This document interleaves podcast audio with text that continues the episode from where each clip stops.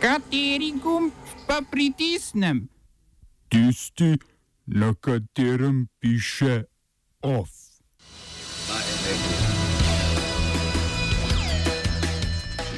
Ruska mejna policija zasegla ukrajinske vojaške ladje v Črnem morju. Ameriška mejna policija zaradi imigrantov začasno zaprla mejni prehod v Tijuani. Na Tajvanu poraz vladajoče demokratske napredne stranke na lokalnih volitvah. V kulturnih novicah pa konferenca o umeščanju umetnosti v javni prostor.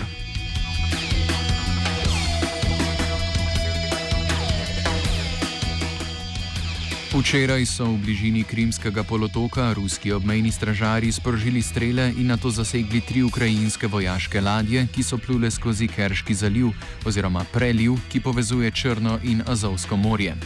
Po incidentu je ukrajinski predsednik Petro Porošenko sklical nujno sejo Sveta za nacionalno varnost, na kateri je pozval parlament, da glasuje za uvedbo izrednega stanja v državi za 60 dni, obramno ministrstvo pa je vojski podalo navodila o polni bojni pripravljenosti. Ruske oblasti odziv mejne policije, ki jo sicer nadzoruje Ruska zvezdna varnostna služba ali FSB, opravičuje s tem, da naj bi ukrajinske ladje namerno provocirale in nezakonito vstopile v začasno zaprto območje ruskih voda.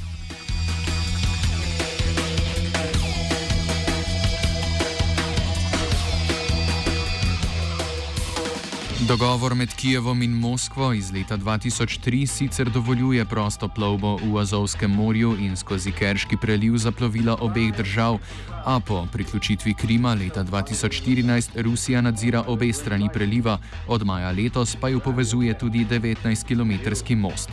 Prav tako naj bi Moskva v preteklih mesecih že izvajala nadzor ladij, ki plujejo skozi preliv do ali iz ukrajinskih pristanišč. Morebitno sprejetje izrednega stanja bi ukrajinski vladi, ki jo obvladujejo člani tako imenovanega Porošenkovega bloka, dalo dodatna pooblastila štiri mesece pred predsedniškimi volitvami, med drugim tudi prepoved javnih zborovanj in uvedbo policijske ure.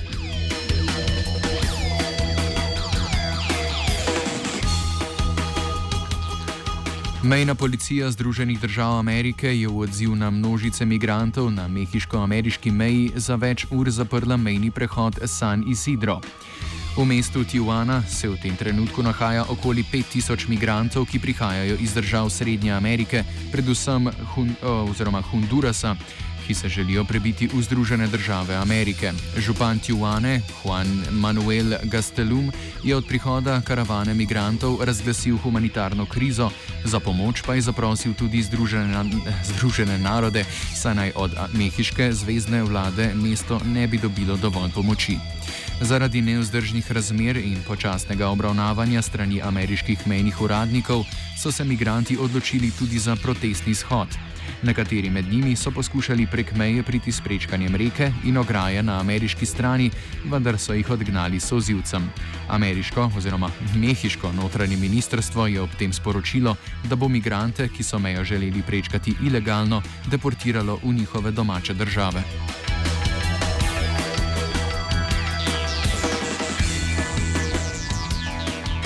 V Tajvanu so v soboto potekale volitve kandidatov v lokalne oblasti. Svoj glas so oddali tudi na referendumu, na katerem so se odločali o desetih različnih pobudah.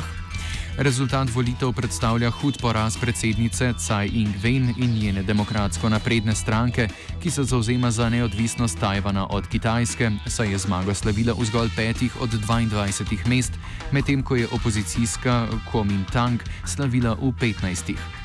Kuomintang se zauzema za močnejšo povezavo s celinsko Kitajsko, Tajvana pa ne dojema kot neodvisno tvorbo. Na referendumu so voljivci med drugim zavrnili spremembo imena, pod katerim bodo tajvanski športniki nastopali na mednarodnih prireditvah, tako bodo še naprej nastopali pod namerno nejasnim imenom Kitajski Taipei, ki je sprejemljivo tako za Republiko Kitajsko oziroma Tajvan, kot za Ljudsko republiko Kitajsko. 70-odstotno podporo pa so sprejeli pobudo, po kateri bo zakonska zveza omejena na moškega in žensko, kljub temu, da je ustavno sodišče maja 2017 legaliziralo istospolne poroke. V odziv na rezultat volitev je Ingven odstopila z čela stranke.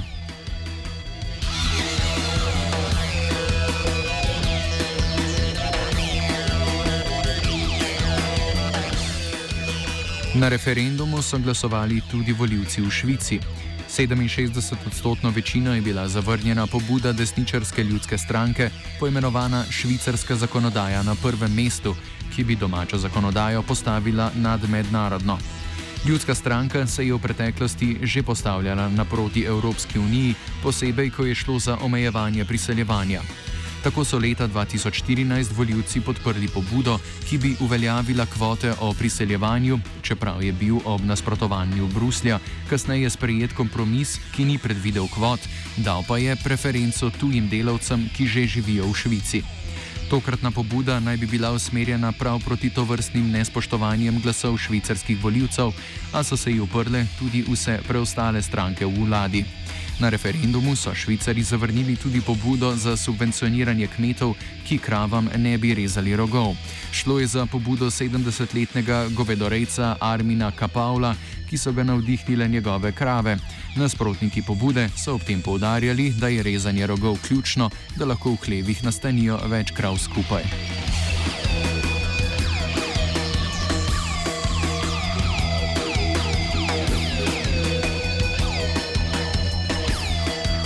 Franciji so čez vikend potekale nove demonstracije, tako imenovani protesti rumenih jopičev, poimenovani po barvi varnostnih jopičev, ki jih nosijo člani gibanja. Šlo je za drugi vsedržavni protest, ki so ga sprožile visoke cene goriva, a gre pri demonstracijah za izražanje splošnega nezadovoljstva francozov z vlado. Nezadovoljstvo izhaja iz ukrepa z konca leta 2017, ko so v francoski vladi povečali davek na dizelsko gorivo ter davek za oglik oziroma na oglik, kar so upravičili kot prizadevanje za boj proti podnebnim spremembam. Od takrat je cena nafte skokovito narasla, kar je povzročilo nezadovoljstvo predvsem prebivalcev na podeželju, ki so odvisni od uporabe vozil. V primerjavi s preteklim vikendom se je protestov sicer udeležilo skoraj trikrat manj ljudi. Notranje ministrstvo je sporočilo, da je po državi protestiralo do 106 tisoč ljudi. Ministrica za transport Elizabeth Borni je sporočila, da ekoloških davkov na kljub protestom ne bodo odpravili. Look, Captain, if you check with Chunky and the CIA, he'll inform you who I am. Nezadovoljstvo z razmerami so izrazili tudi v Avstriji, kjer je sindikat Vida organiziral opozorilno stavko v državnih železnicah EBB. Predmet spora je višina plač v okviru nove kolektivne pogodbe. Pogajalec na delodajalski strani Tomas Šajbar je povedal, da železnice ponujajo 3 odstotno zvišanje plače, medtem ko bi vse zahteve sindikatov pomenile 10 odstotno zvišanje, kar je za železnice nesprejemljivo. Stavka je sicer trajala dve uri, del prevozov pa so nadomestili z avtobusi.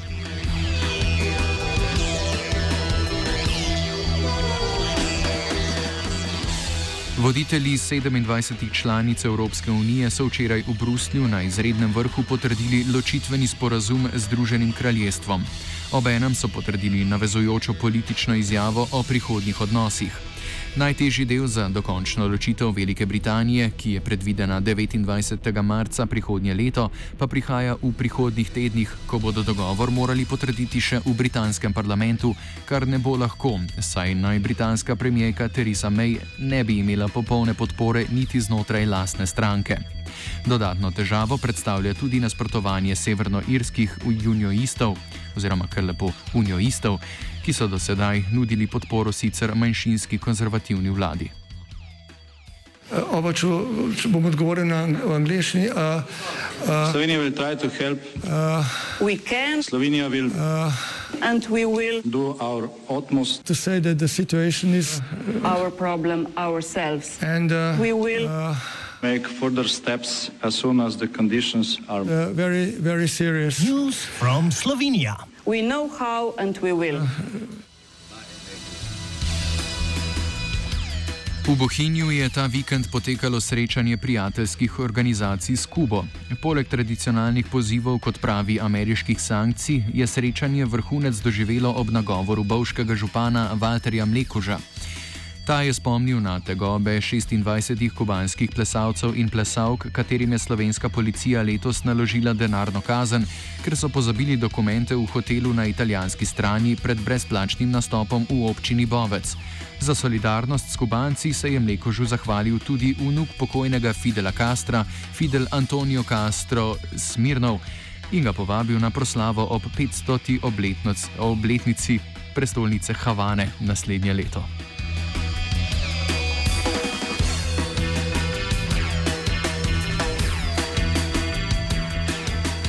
OF je pripravil Jure, sledijo kulturne novice.